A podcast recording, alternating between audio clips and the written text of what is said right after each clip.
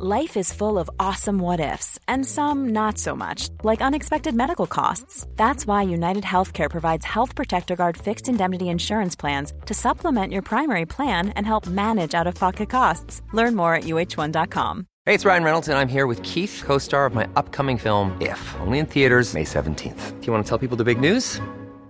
All right, I'll do it. Sign up now and you'll get unlimited for $15 a month in six months of Paramount Plus Essential Plan on us. Mintmobile.com slash switch. Upfront payment of $45 equivalent to $15 per month. Unlimited over 40 gigabytes per month. Face lower speeds. Videos at 480p. Active Mint customers by 531.24 get six months of Paramount Plus Essential Plan. Auto renews after six months. Offer ends May 31st, 2024. Separate Paramount Plus registration required. Terms and conditions apply if rated PG. Hiring for your small business? If you're not looking for professionals on LinkedIn, you're looking in the wrong place. That's like looking for your car keys in a fish tank.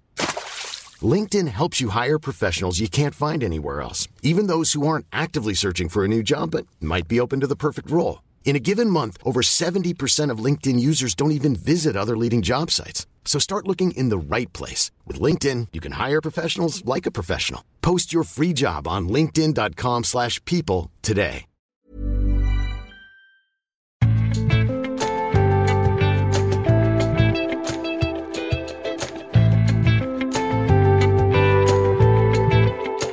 Forrige lørdag ble Ida Lindtveit Røse valgt til ny nestleder i Kristelig Folkeparti etter kampvotering på landsmøtet.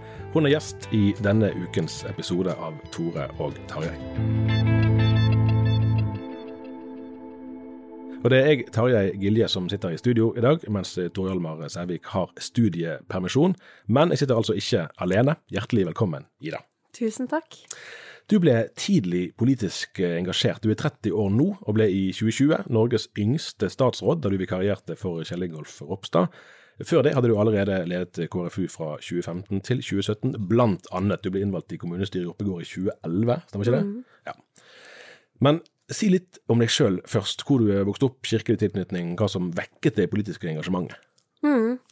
Ja, jeg har vokst opp på Tårnåsen i Oppegård, eller Nordre Follo som det nå heter, da, som for alvor ble kjent eh, i koronapandemien, Ja. fordi eh, da var det plutselig kjempeutbrudd, og vi fikk jo ikke lov til å dra ut av kommunen vår engang på et tidspunkt. Eh, så der jeg vokste opp eh, som yngste i en søskenflokk på tre, to eldre brødre, som eh, har gjort at eh, jeg er godt vant til å være med i harde diskusjoner. Jeg har gått med. Og en eh, på en måte eh, samfunnsengasjert familie.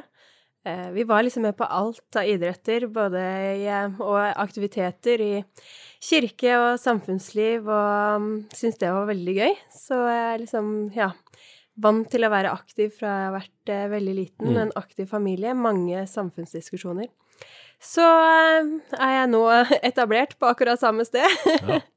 Så bare flytta i Parallellgata til det barndomshjemmet er.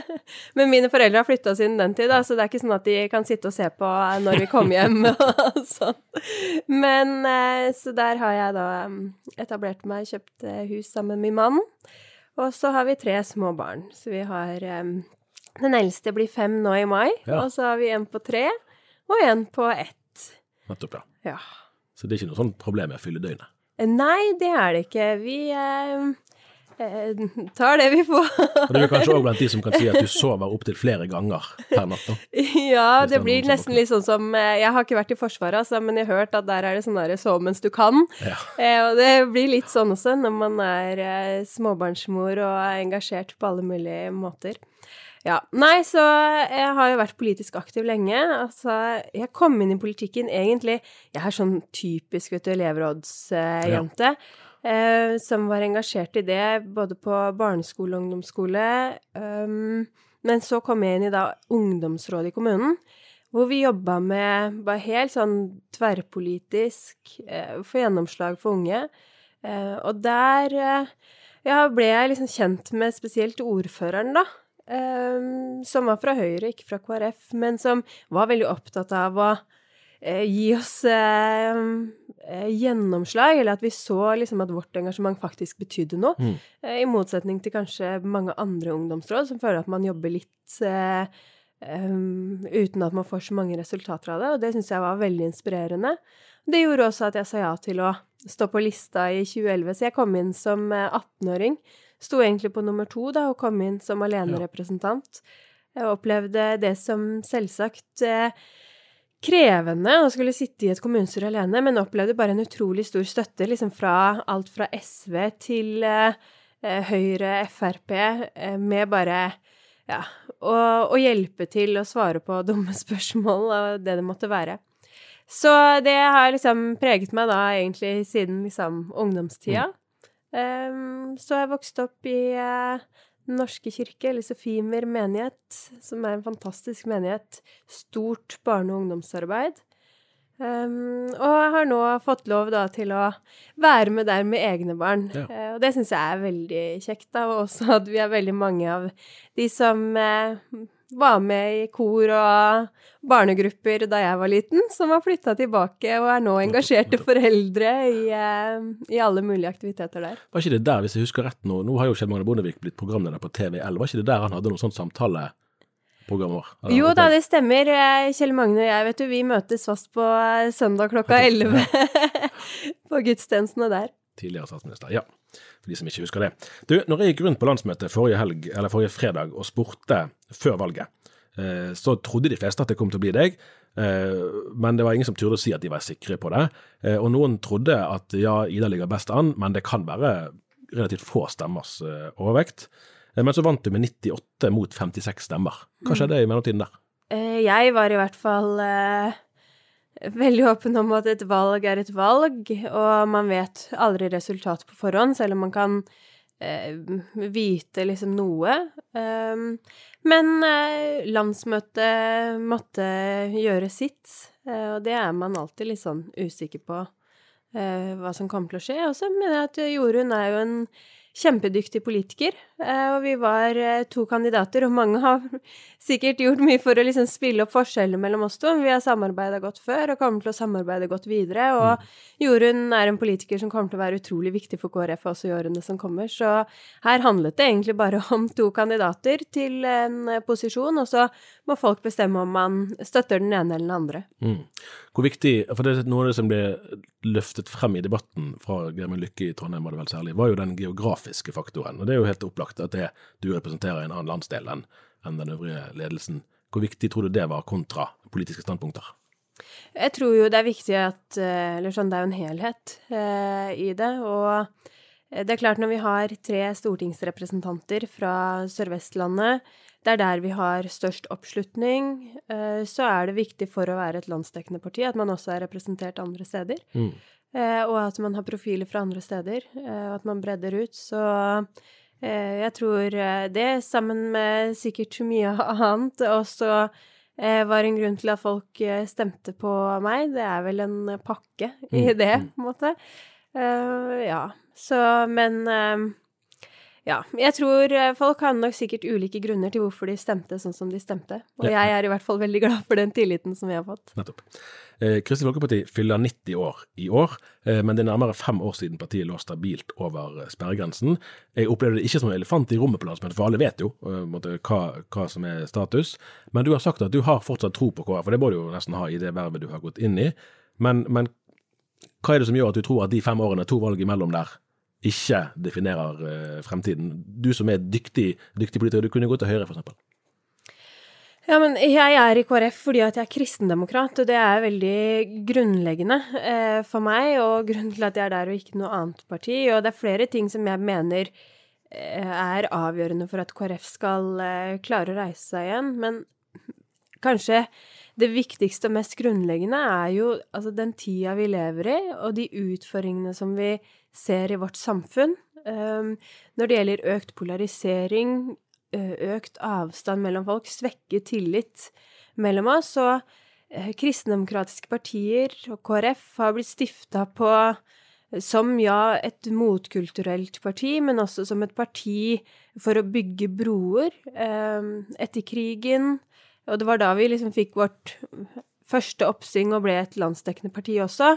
Eh, som et moderat parti, et sentrumsparti som skal eh, motvirke polarisering, og opptatt av tillit mellom folk, og det ligger også som et ledd i liksom de kristne grunnverdiene. Eh, menneskeverd, nestekjærlighet og forvalteransvar. Og der opplever jeg at det er ingen andre partier som tar verdigrunnlaget mm. på alvor. Og det at vi i årene som kommer Vi er et så mangfoldig samfunn.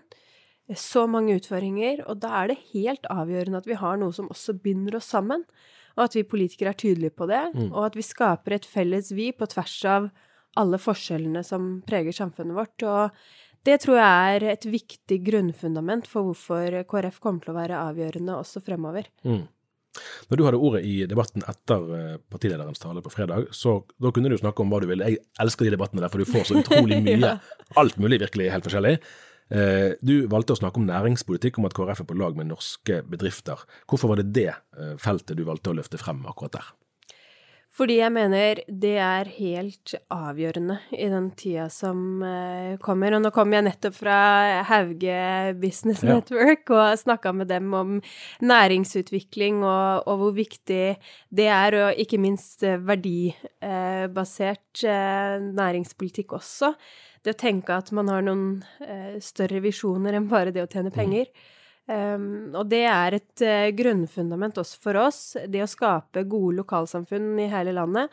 Uh, det handler om å skape arbeidsplasser, og det handler om å skape bedrifter som ønsker å investere i lokalmiljøene. Og da kan vi ikke um, si at de skal istedenfor å investere i sine lokalmiljøer, skal de liksom gi overskudd til staten som skal fordele det sånn som statens prioriteringer er.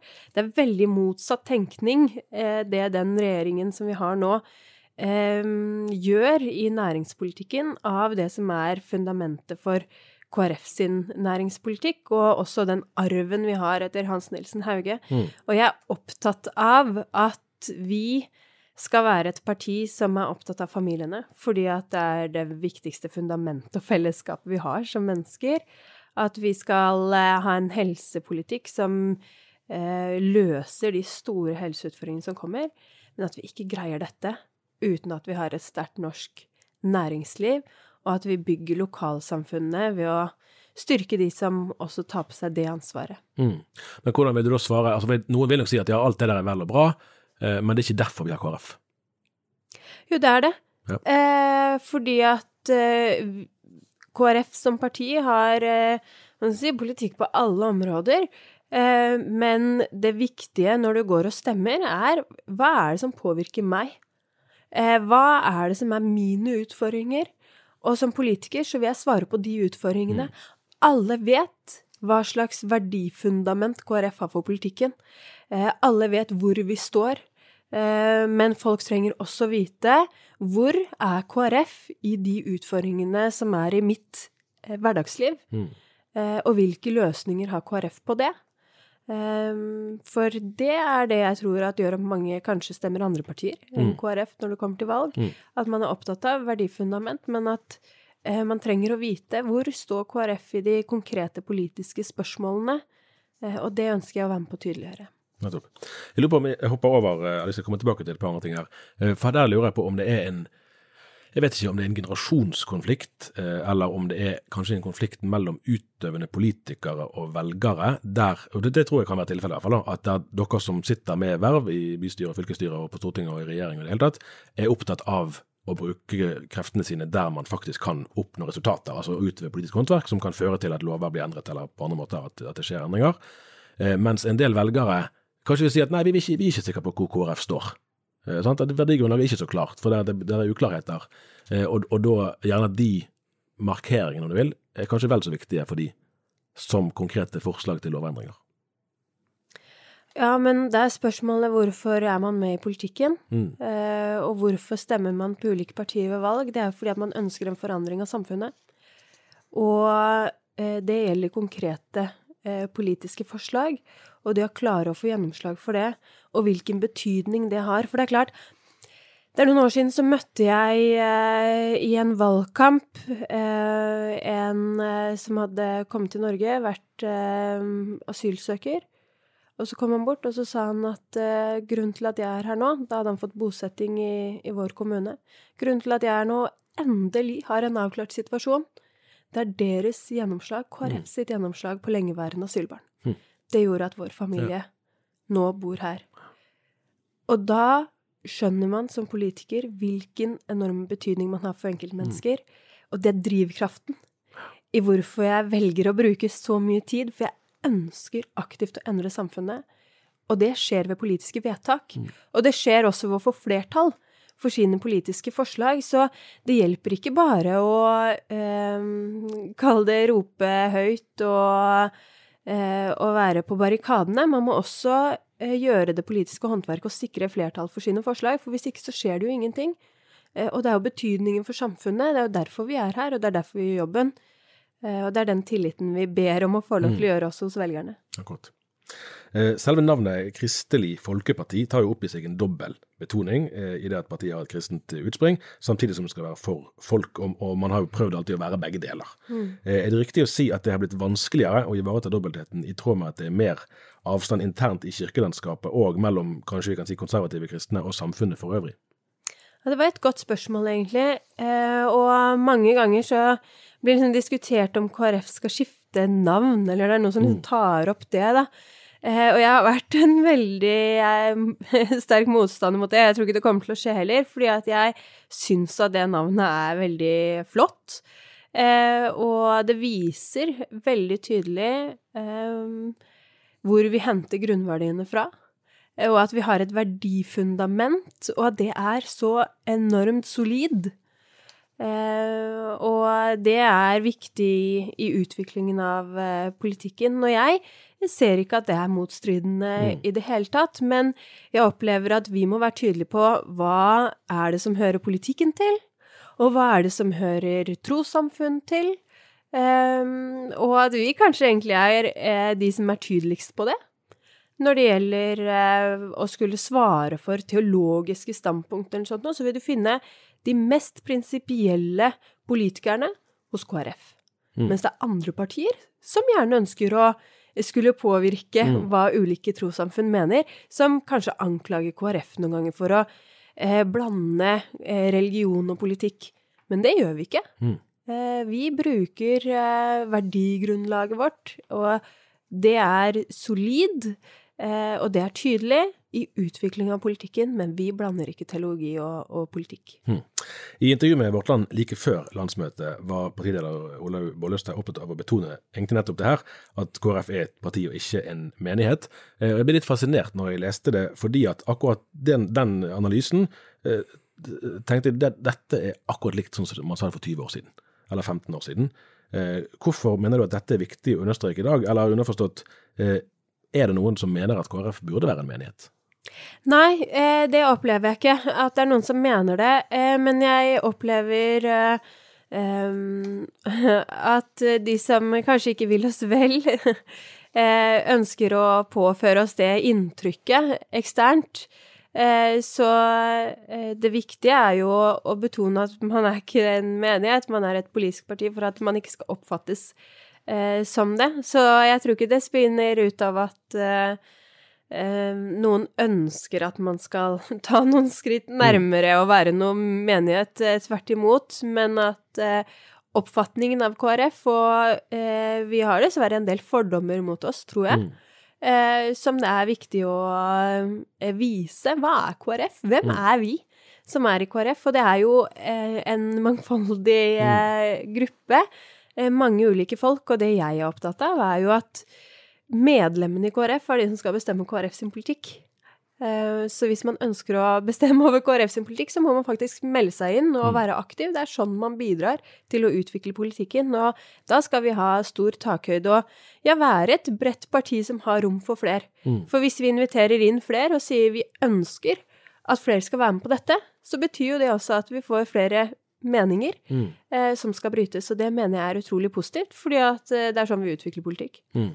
Men kjenner du igjen altså et, et analytisk bakteppe når jeg har, og vi har her i huset har prøvd å, å forstå KrF sin utvikling, er jo at f.eks. for eksempel at man har ligget på rundt 100 000 velgere de siste valgene. Eh. Og når vi gjorde en sånn kartlegging av Kristen-Norge, aktive Kristen-Norge i 2019, så kom vi vel til at kanskje de tallene er de er ikke så langt unna hverandre. da, At det er rimelig grunn til å tro at de fleste som stemmer KrF nå, er kirkelig aktive. Og Der opplever jeg det en forskjell fra når nevnte Kjell Magne Bondevik var statsminister, til nå at det er, altså i hans tid, enkelt sagt, at både kirkerådslederen og generalsekretæren i Misjonssambandet kunne helhjertet si at vi stemmer på denne lederen her. I dag så er det litt vanskeligere å se for seg fordi at dette har forandret seg. Og det er ikke KrF sin skyld, i og for seg, det er kirkelandskapet som har endret seg, men KrF arver problemet, så å si. Jeg opplever kanskje, jeg skal være forsiktig med å uttale meg om dette, da, men at det er uh, større polarisering også i, i Kristen-Norge, mm. og både internt i eh, ulike organisasjoner og, og, mellom dem. det er klart at det også, til en viss grad i hvert fall, preger KrF. og så er jeg opptatt av at vi skal være et parti for alle, uavhengig av hvilket kirkesamfunn, eller for så vidt også trossamfunn, mm. man hører til. Det er ikke det man spør om når man kommer inn i KrF, eh, men at vi står sammen om verdigrunnlag og, og den praktiske politikken. Eh, og det kan eh, noen ganger være en lettelse også, da, mm. Eh, for enkelte som blir engasjert i, i KrF, at man ja, slipper å på en måte ta en del av, hvis man syns at det er krevende, de, de diskusjonene som går innad i mm. sitt eget trossamfunn, f.eks. Nettopp. Du har sagt at, til Aftenposten i 2019 blant annet, at du støtter selvbestemt abort innen uke tolv, men du sa òg til dagen tidligere i år at i KrF er alle enige i at livet starter ved unnfangelsen. Da lurer jeg på, Støtter du dagens abortlov fordi du ikke vil kjempe mot den, altså du aksepterer den, eller støtter du den fordi loven er i tråd med din egen holdning til abort?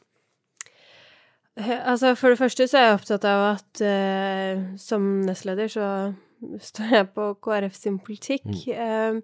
Det jeg er opptatt av, er at uh, ja, livet starter ved unnfangelse. Alle som har eh, båret frem et barn, eh, har kjent det og vet det. Og at det også gjelder de som tar en utrolig krevende avgjørelse ved å avslutte det.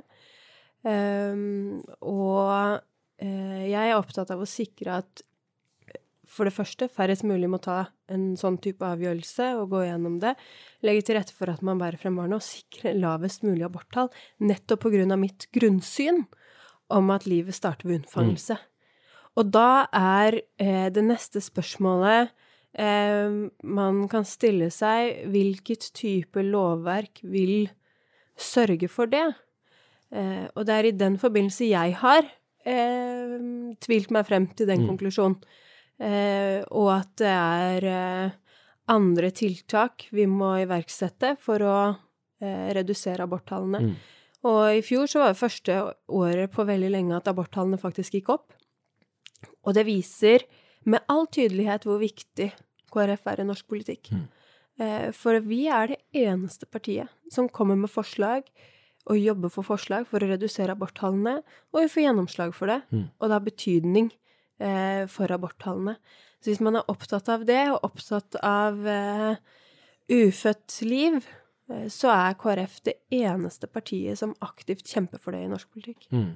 Ja, for her, Dette syns jeg er litt interessant å presisere og utforske. fordi at, jeg mener det er en forskjell på å si at, eh, at ja, det er dilemmaer her, men, men eh, det beste er at, at den gravide sjøl har avgjørelsesmyndighet. Det er en, en, vurdering. Men en annen vurdering er å si det som jeg oppfatter at du sier nå, at målet må være å, eh, å, redde flest mulig eh, liv. Eh, og da er det mer å hente. Det er flere liv å redde ved å arbeide med andre ting enn å avskaffe dagens abortlov. Ja, og også eh, syns jo ikke jeg at Eller hva skal jeg si det, Dagens abortlov er jo ikke en eh, debatt som egentlig er eh, veldig aktuell. Nei, det er i hvert fall et solid flertall i befolkningen som støtter. Ja, altså nesten ni av ti. Ja. Ikke sant. Um, og det som virkelig er en aktuell debatt, er hvorvidt man skal utvide mm. retten til selvbestemt mm. abort. Uh, hvor eh, hele KrF står samlet, og der det faktisk er mulig å samle et flertall mot, men hvor vi vet at det vil bli veldig krevende. Mm. Um, og så har man jo en rekke dilemmaer som også kommer, som Eh, jeg mener at vi eh, må ha en bedre debatt enn det vi har hatt til nå, eh, for eksempel kunstig livmor. Mm. Rettsvernet. Som kommer i forbindelse med at man får helt ny teknologi. Selvsagt at man kan redde barn stadig tidligere. Hva, hva slags påvirkning har det? og også at man får langt mer informasjon om fosteret tidligere. Og jeg opplever i hvert fall at um, abortdebatten eh, de senere årene har vært ganske uforsonlig, og at det i liten grad legger til rette for um, god politikkutvikling. på dette området. Eh, snarere tvert imot. Eh, og det bekymrer meg med tanke på fremtiden. Mm. Eh, hvis vi ikke skal få til gode regelverk eh, fordi at vi har en abortdebatt som er så steil som den har vært, og så preget av skyttergravsretorikk og liten vilje til å forstå hverandre, så får vi dårlige regelverk i andre enden. Eh, Så det er egentlig eh, KrFs viktige rolle også fremover, å være en aktør som bidrar til etisk refleksjon eh, og mulighet til å diskutere dette der ulike hensyn ivaretas. For det er jo egentlig alle enige om, at her er det ulike hensyn som veies opp mot hverandre. Men i abortdebatten så kan man nesten få inntrykk av at ehm, de ulike aktørene bare har ett hensyn for øye. Eh, Og det tror jeg ikke er riktig for noen av dem. Eh, Men for en del velgere, og dette vet vi jo godt om, så bryter, eh, bryter abortsaken på så dypt vann at den alene kan styre partivalget. Jeg vet ikke hvor mange som er i den gruppen, men det er nok en del. Og i det du og andre sier at man støtter dagens abortlovgivning, så vil jo en del oppleve at her blir selve partiets sjel satt i spill, fordi at det er prinsipielt umulig å måte, si OK til, til dagens lov. Og Da lurer jeg på to ting. For det første, hvordan opplever du å bli møtt med, med sånn kritikk? For det, det, jo, det går jo på den personlige moralen. Eh, og hva vil du si til de velgerne som da er fortvilet over at det ble deg, da, til og med? Eh? Eh, hvordan vil du mene at, at deres interesser er best ivaretatt med den politikken som du tar til orde for? Jeg er veldig opptatt av det prinsipielle utgangspunktet. Eh, At livet starter ved unnfangelse, og at vi alle mennesker har en ukrenkelig verdi. Og så er eh, politikken på den måten at det er ulike hensyn som skal veies opp mot hverandre. Og jeg tror at vi står eh, veldig godt sammen for eh, å kjempe for ufødt liv, eh, kjempe for det prinsipielle utgangspunktet. Eh, hvis vi kan gjøre det, og, og ta det som et utgangspunkt, ikke Altså, hva skal eventuelt være et alternativ til loven? Eh, det er jo ikke noe som er definert, og heller ikke noe som vi kommer til å eh, diskutere egentlig, i hvert fall ikke i nærmeste fremtid, fordi at det ikke er en aktuell debatt. Eh, og derfor er jeg opptatt av at vi står sammen i det prinsipielle, og at vi står sammen også mot eh, utvidelser eh, og for å styrke rettsvernet på ulike måter der det er mulig. Eh, og så er jeg opptatt av at eh, vi som kjemper for ufødt liv, vi må stå sammen til tross for at vi kan ha noen uenigheter. Men hvis vi står sammen, så står vi sterke i møte med de eh, utfordringene vi har fremover, eh, og de konkrete forslagene for å redusere rettsvernet til ufødt liv. Men hvis vi begynner å kjempe mot hverandre, så står vi svakere, og det taper ufødt liv på. Jeg spurte deg før, før opptak om, om du på en måte syns det er relevant å sammenligne deg selv med Inger-Lise Hansen, sant, som òg ble valgt til nestleder når hun var ung og kvinne, og som, som i hvert fall måte, fikk et omdømme av å ville liberalisere eh, partiets eh, politikk. Eh, og det var jo ikke, noen, det var ikke bare enkle runder eh, den gangen. Nå har hun vært litt gjest for jeg har sett noen nyere partimøter der, i, der, der hun jobber nå. Men jeg lurer på om du eh, både er redd for å møte måte, hersketeknikker eh, og, og sånn, eh, altså ting som kan hindre den åpne debatten. Eh, om det er eventuelt om du mener at det er noe, noe eh, i KrF som er annerledes der, da, i forhold til å, å møte eh, unge, aktive kvinnelige ledere eh, kontra andre partier. Jeg opplever i hvert fall en utrolig stor eh, respekt for ulike synspunkt i KrF, og, og det er jeg også opptatt av å fremme. Eh, for det er klart, i vårt parti som andre partier så har vi uenigheter, sånn som vi snakket om i stad, at vi greier å stå sammen om, om det aller, aller eh, viktigste som skjer i norsk politikk i dag, og styrke kampen for det. Um, så eh, må jeg si at jeg opplever ikke eh, at det er noen store utfordringer å være ung kvinne i KrF. Eh, jeg har egentlig aldri opplevd det. Eh, Jeg opplevde at i KrF så har jeg som ung fått ansvar, eh, fått muligheter, eh, og hatt stor støtte, både lokalt og nasjonalt. Eh, og så opplever jeg at eh, KrF er et av de partiene som virkelig tør å satse på unge. Altså, vi har jo den yngste ordføreren mm. og den yngste ordførerkandidaten, og det har vært en sterk kultur i vårt parti. Og det ønsker jeg å, å fortsette med. Tror du det her har forandret seg? Det er viktig.